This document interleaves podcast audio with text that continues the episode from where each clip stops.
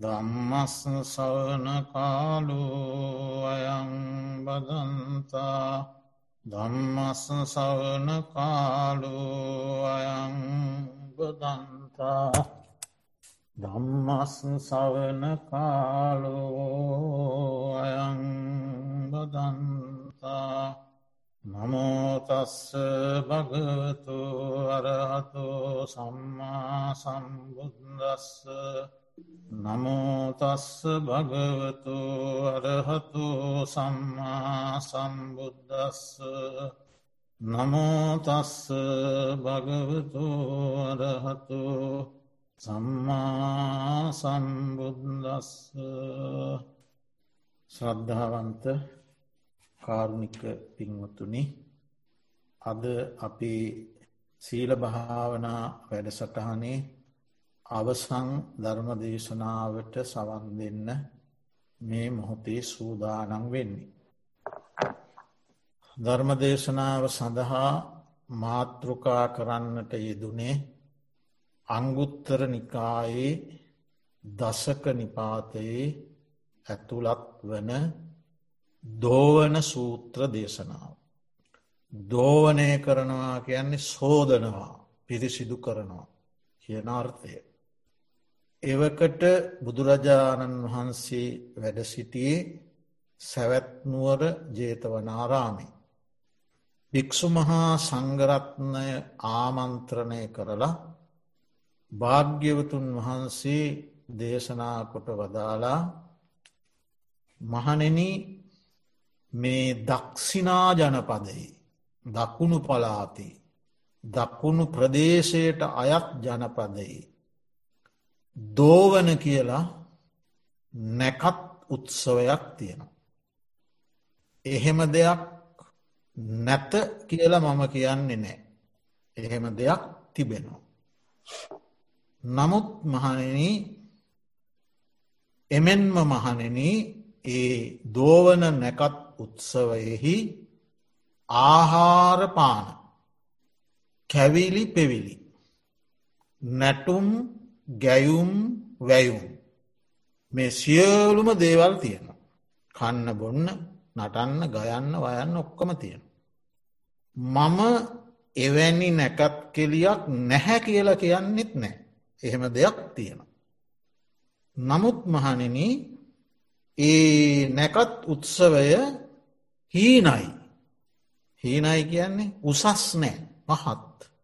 ග්‍රාම්මියයයි එකනය ගැමි මිනිසුන්ට අයිති දෙයක්.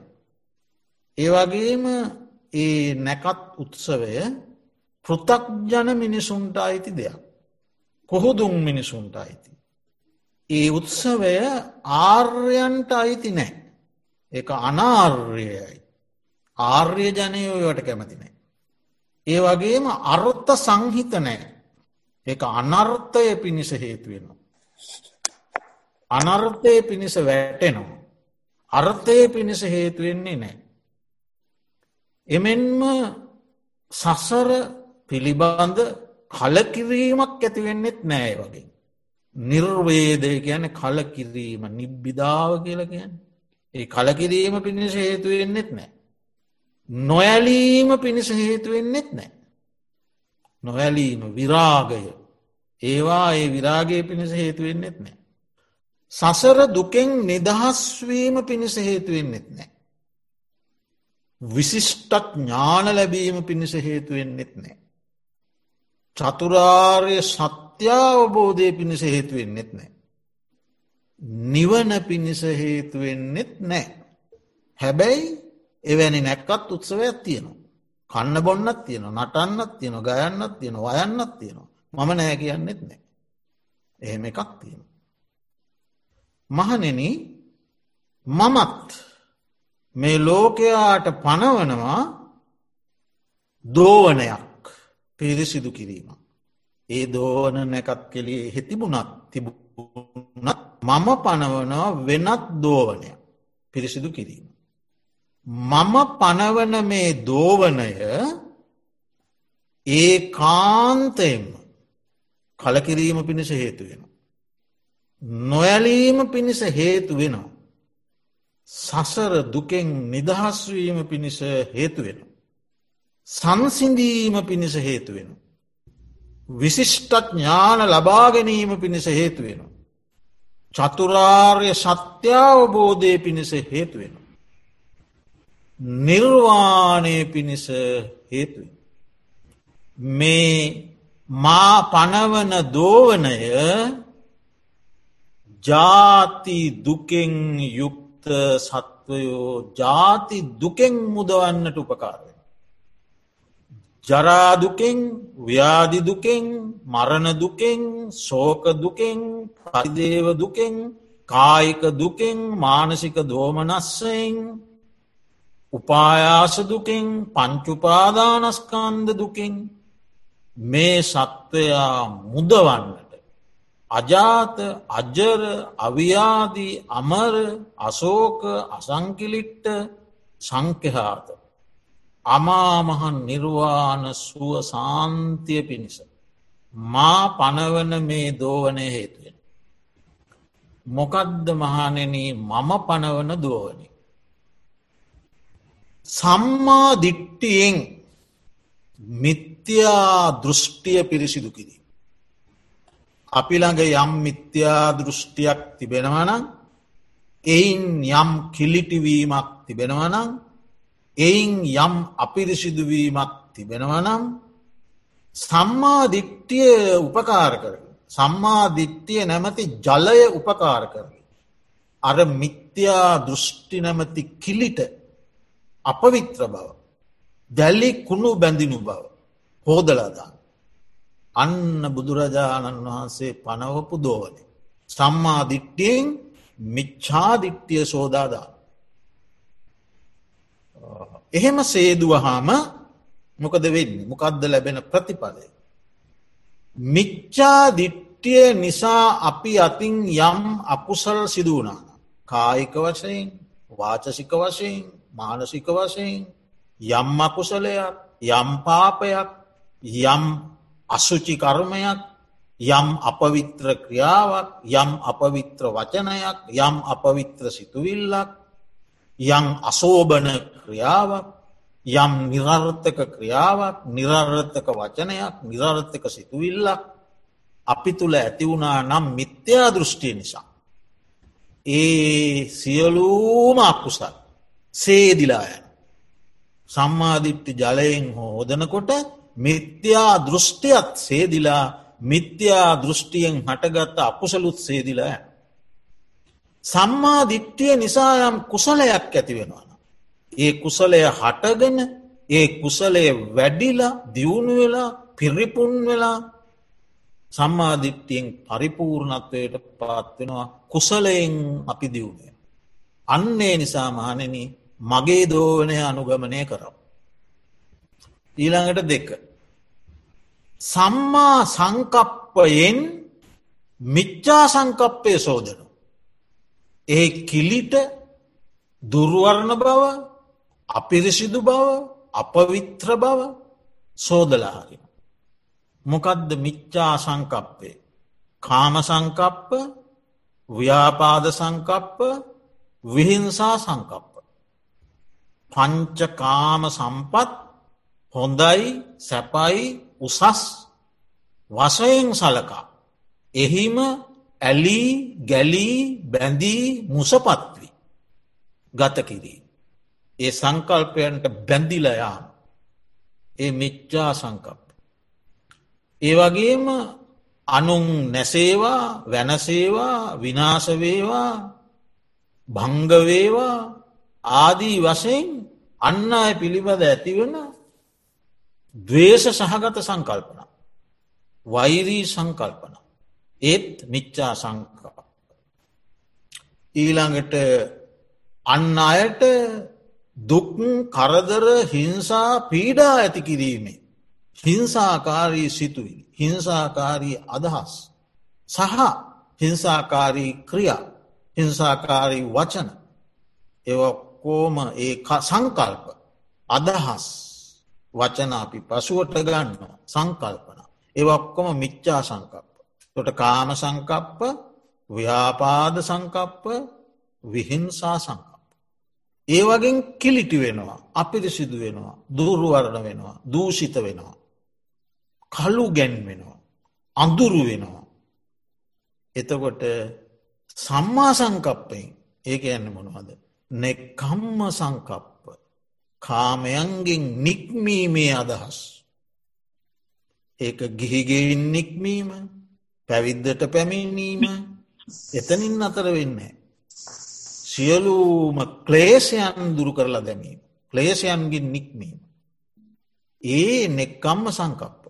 තොට සිල් සමාදැන්වීමේ අදහස් භාවනා කිරීමේ අදහස් ඒව නෙක්කම්ම සංකප්ප. ඊළඟට ඒ නෙක්කම්ම සංකප්පයෙන් කාම සංකප්පය හෝදනු. ඊළඟට මෛත්‍රී සිතුවිලි මෛත්‍රී සංකප්ප අව්‍යාපාද සංකප්ප. ඒ නැසේවා වෙනසේවා කියන සංකප්ප වෙනුවට අන් අයට හිතවත්කම් දැක්වීමේ මිතුරුකම් දැක්වීමේ සංකල්පන. එතකොට මිත්‍රසීලී සංකල්පනා මගින් අර වෛරී සංකල්පනා තරහ සංකල්පනා ව්‍යාපාද සංකල්පනා හෝදාහරින. ඊළඟට අවිහිංසා සංකප්ප කියන කරුණාව. පරදුක්කේ සතිසාදූනං හදයන් කම්පෙන්තීතී කරුණ. අනුන්ගේ දුක දැක හදවතෙහි ඇතිකරගන්නා වූ කම්පිත ස්වභාව. අහෝ ඔහු දුකින් මුදවන්නට ඇත්නම් කියන හැඟීම. ඒ කාරුණික සංකල්පනා මගින් අර හිංසාකාරී සංකල්පනා සෝදාහරිනු. දැන් එතකොට පැහැදිලි නෙක්කම්ම අව්‍යාපාද අවිහිංසා සංකල්පනා මගින් කාම ව්‍යාපාද හිංසා සංකල්පනා ප්‍රහාණය කරන හෝදනවා. ඒ හෝදනකොට අර කාම ව්‍යාපාද හිංසා සංකල්පනා මගින් යම් අකුසලයක් වෙනවන. උනානම් වෙමින් පවතිනවනම්. ඒ අකුසල් සේදෙනවා. නෙක්කම්ම අව්‍යාපාද අවිහිංසා සංකල්පානා නිසා යම් කුසලයක් වැඩෙනවන. ඒ කුසල් ඇතිවෙලා වැඩිවෙලා දියුණු වෙලා පරිපූර්ණ වෙලා ජීවිතය ඒ සංකල්පනාවන්ගෙන් පිදෙනවා. අන්න සේදීම. ඒක දක්ෂිනා ජනපදේ නැකත් උත්සවේ නෑ එතන කන්න බොන්න තියෙනවා. නටන්නත් තියෙනවා ගයන්නත් තියෙනවා යන්නත් තියෙන. ඒකයි අදහස. ඊළඟට සම්මාවාචාවෙන් මිච්චාවාචාව සෝදනු. මිච්චාවාචා ඒ මොනවාද. මුසාවාද පිසුනාවාච පරුසාවාචා සම්පප්පලාපා. එව මිච්චාවාචා. බොරුව කේලම පරුෂවචන හිස් වචන. ඒවාගෙන් ඇතිවෙන්නෙත් කිලිටක් අපවිත්‍ර බවක් අපිරිසිදු බවක් කල්ලු පැහැගැන්වීමක් අකුසලයක්.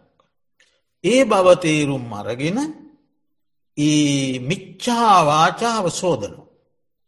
මොකෙන්ද සෝදන්න. සම්මාවාචා නැමති දියෙන් ජලයෙන් සෝදනු.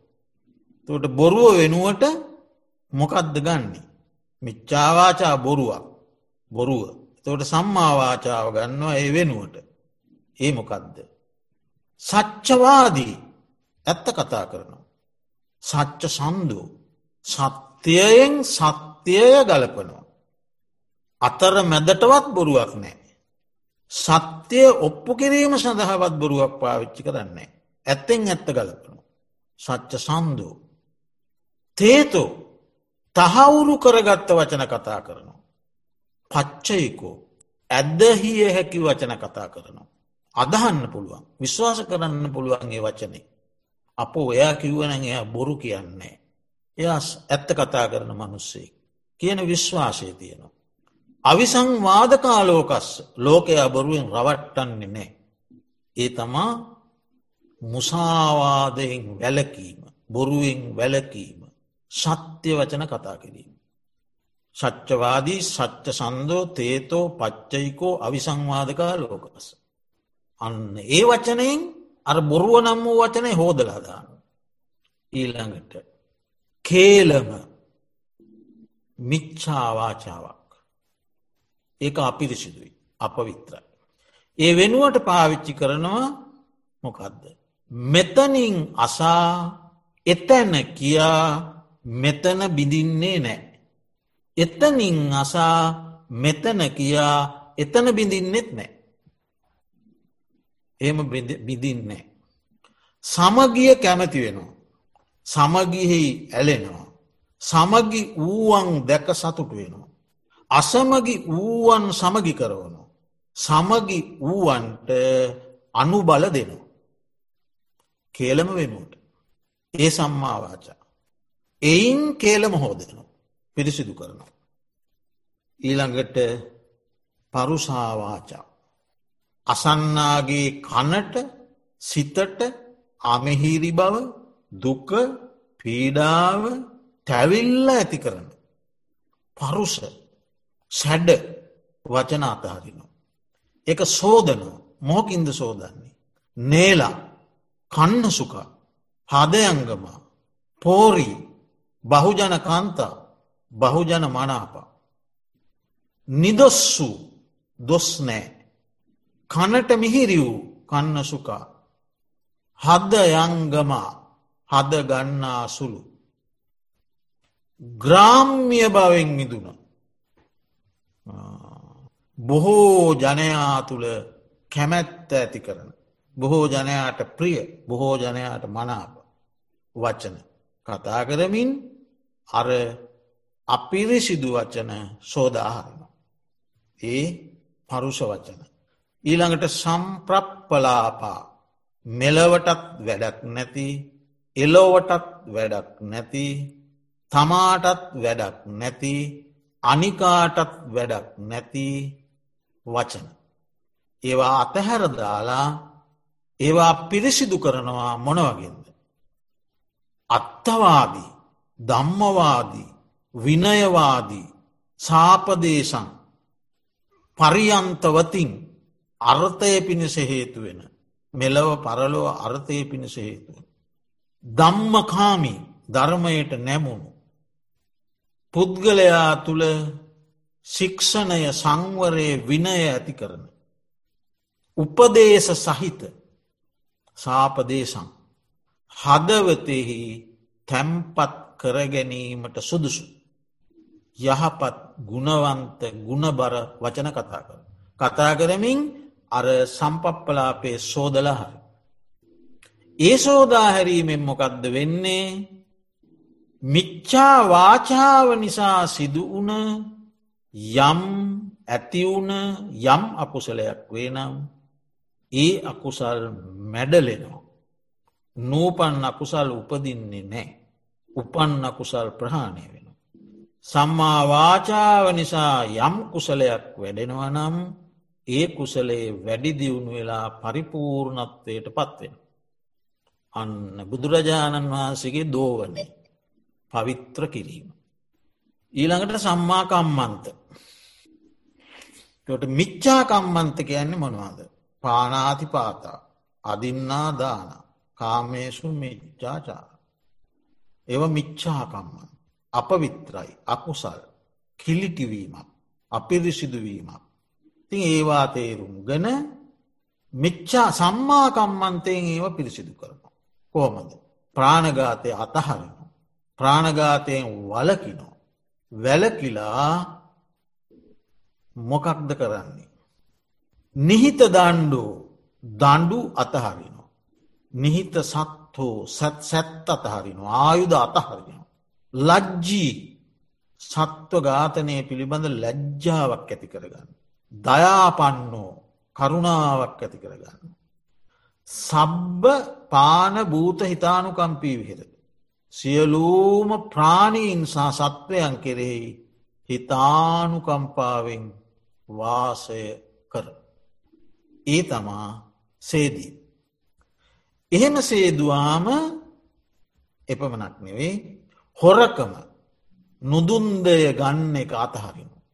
අතහැරලා දුන්දේ පමණක් ගෙන ඉතාම පවිත්‍ර පිරිසිදු චේතනාවන්ගෙන් යුක්ත සිතක් ඇති කරගන්න.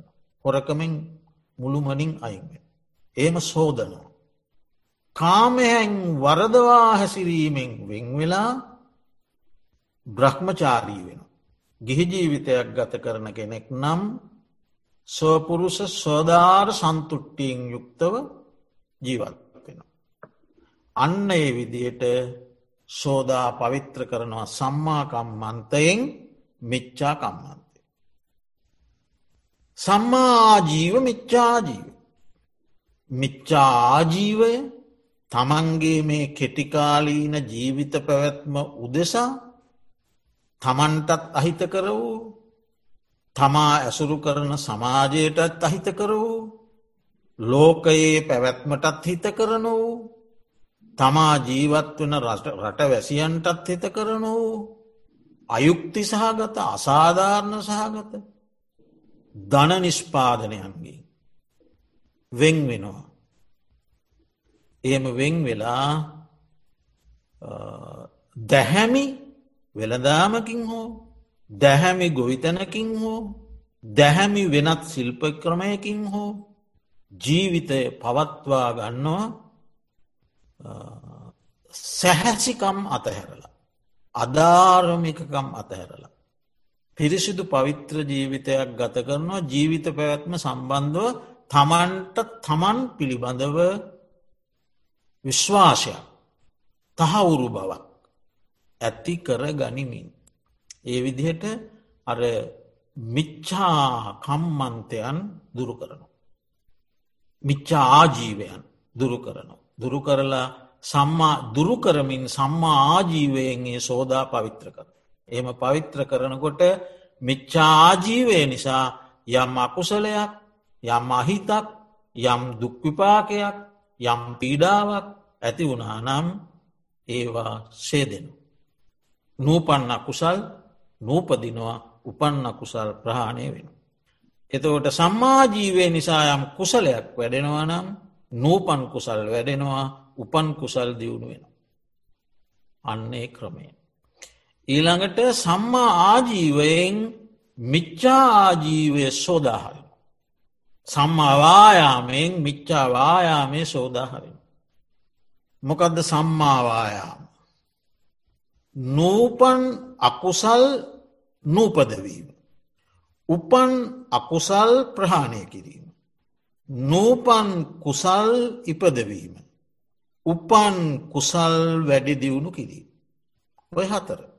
හතර දෙකක් වශයෙන් ගත්තොත් කුසල් දුරු අකුසල් දුරු කිරීමත් කුසල් වැඩීම. අපහු කියමු නූපන් අකුසල් නූපදවීම උපන් අකුසල් ප්‍රහාණය කිරීම නූපන් කුසල් ඉපදවීම උපන් කුසල් වැඩි දියුණු කිරීම.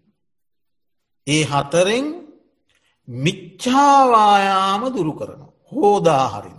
මිච්චාවායාම කියන්නේ නූපන් අකුසල් ඉපදවීම. උපන් අකුසල් දියුණු කිරීම. නූපන් කුසල් නූපදවීම. නූපන් කුසල් නූපදවීම. උපන් කුසල් දුරු කිරීම. යම් කුසලයක් ඉපදුරන එක දුරු කරලදාන්න. ඒ මිච්චා පැත්ත. එතොට සම්මාවායාමෙන් මිච්චාවායාමය දුරු කරන. එසේ දුරු කරන්නාට සම්මාවායාමේ නිසා ඇතිවෙන කුසල් වැඩිලා දියුණු වෙලා යන. මිච්චාවායාමේ නිසා ඇති වුණා කුසල් ප්‍රහාණය. බලවත් සේදීම. ඊළඟට සම්මා සතියෙන් මිච්චා සතිය සෝදන. වැරදි අයහපත් අකටයුතු දේවල්. අයුක්ති සහගත දේවල් කෙරෙහි ඇතිකරගන්නා වූ සිහිය. අවධානයෙන් යුද්ධට යොමු වෙලා ඒවට බෝම ලස්සනට ඒව කරන. අකුසල සාගත දේවල්. ඒක දුරු කරනු. දුරු කරන්නේ මොහොකින්ද සම්මා සතිය. කායේ කායානු පස්සී විහරති ආතාපි සම්පජානෝ වේදනාසු වේදනානු පස්සී විහරති ආතාපි සම්පජානෝ ආදී වසයෙන් දැක්වූ සතර සතිපට්ඨාන තුළ තමන්ගේ සිහිය පිහිටවා ගන්න. එතකොට ඊට අමතරව බුදුරජාණන් වහන්සේ දේශනා කොට වදාළ රිජ්ජුවම සතර සති පට්ටාන සූත්‍ර දේශනාවට අයත්‍යයි නොපෙන් නොපෙනෙන තව භාවනා ගොඩක් තියෙනවා. බුද්ධානුස්සති දම්මානුස්සති සංගානුස්සති සීලානුස්සති චාගානුස්සති දේවතානුස්සති ආදී භාවන. ඒවත් සතිය දියුණු කරන දේවල්. අට්ට කතාවේ සඳහන් වෙනවා පූර්ව භාගයේදී කුමන භාවනාවක් වැඩුවේද වඩන්නේ නමුදු අපරභාගයේදී නැත්තං ඊළඟ කොටසේදී ඒ භාවනා යෝගයා රිජ්ජුවම අන්තර්ගත වෙන්නේ ඒ ආයන මාර්ගයට එවත් සතිපට්ටානයට. එක අටුවාවේ පැහැදිලියොම කියනවා. පෙර කුමන භාවනාවක් වැඩුවත් ඔහු අවසානයේ ඒකායන මාර්ගයට ඇතුළත් වෙනවා. එනිසා ඒවා සරලකොට නොසලකා කුමන භාවනාවකින් හෝ ඒ සතිය සම්මා සතිය ඇතිකරගෙන මිච්චා සතිය සෝදලාදාන. ඒම සෝදනකොට මිච්චාසතිය නිසා හටගන්නා වූ යම්ම කුසලයක් වේ නම් ඒ නූපන් අකුසල් නූපදිනවා උපන්න කුසල් ප්‍රහාණය වෙනවා සම්මා සතිය නිසා නූපන් කුසල් උපදිනවා උපන් කුසල් වැඩෙන. ඉළඟට සම්මා සමාධියෙන් මිච්චා සමාධිය සෝදාහරෙන. අකුසල් අකටයුතු අනර්ථකාරී ක්‍රියාවන්හි යම් සිතේ එකඟ බවක්. ඒකට මනාවසිත යොදලා කරන ස්වභාවයක් අකුසලයට. බෝම ප්‍රියතාවෙන් බෝම කැමැත්තෙන් බොහොම උත්සාහයෙන් ඒ කෙරෙහිම අවධානය යොමු කරලා. ඒකට මනාවසිත යොදලා කරන බවක් වේනම්. එමිච්චා සමාධිය. එතකොට සම්මා සමාධී ගැඹුරුම පැත්ත ගත්තොත් ප්‍රථමධ්‍යාන දුතියධ්‍යාන තෘතියධ්‍යාන චතුරුතධ්‍යාන සම්මා සමාධ. ඊට මෙහා ගත්තොත් උපචාර සමාධි.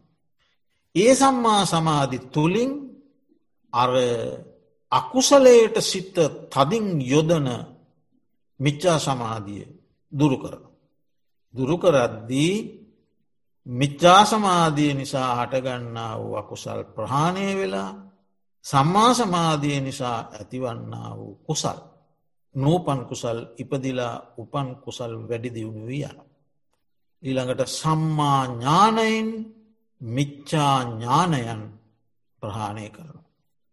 මිච්ඥාඥාන වලට විවිධ නොයෙක් ආකාරයේ වැරදි දර්ශනයන් පිළිබඳව ඇතිකරගන්නා වූ නානාවිද වූ දැනීම් සම්භාරයන් වේ නම්. ඒවා. සම්මා ඥාන වශයෙන් ගැනෙන්නේ මාර්ගජාන හතර. සෝවාන් සකදාගාමි අනාගාමි අරිහත් මාර්ග ඥාන හතර. ඒ එක් එක් මාර්ග ඥානයන් මගින් එක් එක් අවස්ථාවන්හි ඊට අනුරූප වූ මිච්චා ඥානයන් දුරු කල්ලදා. ඔය පුබ්බේ කත හේතුවාද ඊළඟට අහේතු අපච්චයවාද ඊශ්වර නිර්මාණවාද අකිරියවාද ආදී නානාවිද වාදයන් පිළිබඳ ඇති දැනීම් සම්භාරයන් තර්කානුකූල ඒ ඒවා පිළිබඳ ඇතිකරගෙන විමර්ශන ඥානයන්. ඒවා මේ මාර්ග ඥානයන් මගින් සෝදනකොට ඒ මිත්‍යාඥාන මගින් උපන්න කුසල් ප්‍රහාණය වෙන. සම්මාඥානයන් මගින් උපදින කුසල් වැඩිල දියුණු වෙලා පරිපූර්ණත්වයට පත්වෙන. ඒ වගේම මිච්චාවිමුත්තිය සෝදනවා සම්මා විමුත්තිය. සම්මා විමුත්ති. නිවන. තකොට නිර්වාණයේදී මුළුමනින්ම සියලූම මිත්‍යා විමුක්තියෙන් සෝදා පිරිසිදු වෙන. ඉතිං ඔය විදිහට බුදුරජාණන් වහන්සේ දේශනා කළා මේ දක්ෂිනා ජනපදයේ තිබෙන විවිධාකාර වූ නැකත් උත්සවයන් විවිධ ලක්ෂණයන්ගින් යුක්ත කෑම බීම නැටුම් ගෙවුම් බැවුම් සියල්ලන් සහිත. මේවා තියෙනවා මම නැහැයි කියන්නේ නමුත් මහනෙන මම පනවනවා ඉතාම වැදගත් ලෝකයාගේ හිත සුව පිණිස පවතින දෝවනය. තින් ඒ බුදුරජාණන් වහන්සේ ඔය පනවා වදාළ දෝවනේ ඔය සම්මාධිට්ටි සම්මා සංකප්ප සම්මා වාචා සම්මා කම්මන්ත සම්මා ආජීව සම්මා වායාම සම්මා සති සම්මා සමාධී සම්මා විමුක්. ඔය මාර්ගාංගයන් ගෙන් අවසාන මාර්ගාංග දෙක මාර්ගඵල විමුක් ඉන් මෙහා තියෙන මාර්ගාංග අට අපි දිනෙන් දින දිනෙන් දින දිනෙන් දින වැඩි දියුණු කළ හොත් ඒ මාර්ගාංග අටේම තියෙන්නේ සීලය සමාධයයි ප්‍රඥාව. අට තුනකට ගුණු කළොත් සීල සමාධී ප්‍රඥා. එතවට සීලයක සමාදන් වෙලා තමන්ගේ චරිත්තයට අනුරූප වූ භාවනා කමටහනක් තුළ සමාධිය දියුණු කළොත්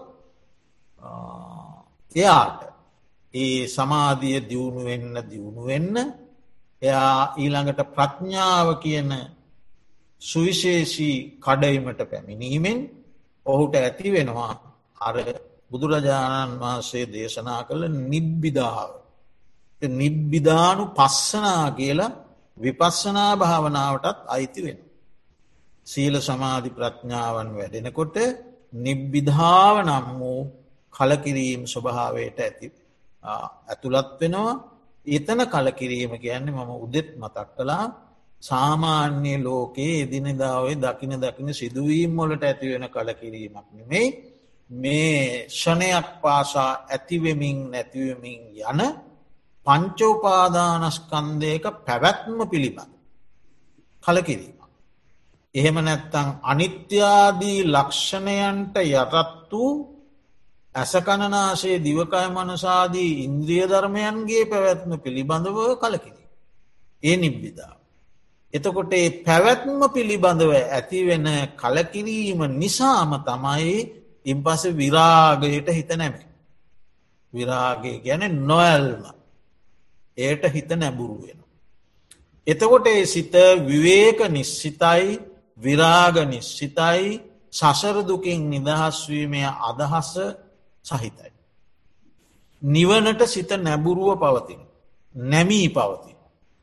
අන්න ඒ ශ්‍රාවකයා විවේක නිශ්සිත විරාග නිශ්සිත නිරෝධ නිශ්සිත වොස්සක්ග පරිනාමි යන නිවනට නැමුණු බව. ඒ බවෙන් යුක්තව තවදුරටත් මේ සමාධි ප්‍රඥා වඩනකොට අන්න උපසම ස්වභාවය. උපසම්ම කියන සංසිඳීම. කායචිත්තයන්ගේ සංසිඳීමේ ස්වභාවයට සිත නැබුරුවෙන. උපසම. දැන් ඒ නිබ්බිධාව විරාගය නිවනට නැමුණු බව සහ සංසිඳීම නිසා වෙනදා නොදුටු වෙනදා අවබෝධ නොවුන විශිෂ්ට ඥානයන් විශිෂ්ටඥානයන් තමන්ගේ චිත්ත සන්තානය තුළ වැඩෙන්න පටන්ගන්න. ඒ විශිෂ්ටඥානයන් නිසා ඒ විශිෂ්ටඥානයන් කැන විදර්ශනා ඥාන. ඒ ඥානයන් නිසා එට පසේ සම්බෝධී කියන චතුරාර්ය සත්‍ය අවබෝධය කරා සිත නැබුරුවෙන. මේ ඒ කාන්තයෙන්ම දුකක්ය මේ ඒ කාන්තයෙන්ම දුක උපදින හේතුවය මේ සමුදය සත්‍යය ඒ කාන්තයෙන්ම මේ දුක්ක නිරෝධය මේ දුක්ක නිරෝධගාමිනී පටිපදාවය කියන චතුරාර්ය සත්‍ය අවබෝධයට නැබුරුවෙන. මුල් මාර්ගාංග අට තුළින්. ඒ නැබුරුව නිසා තමයි ඉම් පසු සම්මාඥාන සම්මා විමුක්ති කියන ඒ මාර්ගඥාන හතරත් විමුක්තියක් කරා සිත යොමු වෙන්නේ. ඒම දක්වනවා නිර්වාණයට සිත නැබුරු වෙනවා නිර්වාණය අවබෝධ වෙනවා නිර්වාණය ප්‍රත්‍යක්ෂ කරනවා ඒ නිසායා ජාතිදුකින් මිදී යනවා. ජරාදුකෙන් ව්‍යාධිදුකෙන් මරණදුකෙන් සෝකයෙන් පරිදේවෙන් කායික දුකෙන් මානසික දෝමනස්සයෙන් උපායාස දුකින් පංචුපාදානස්කන්ද දුකින් එයා මුළුමනින් මිදී නිදහස් ශේම භූමිය හෙවත් නිර්වාණයට යොමුුවෙන්.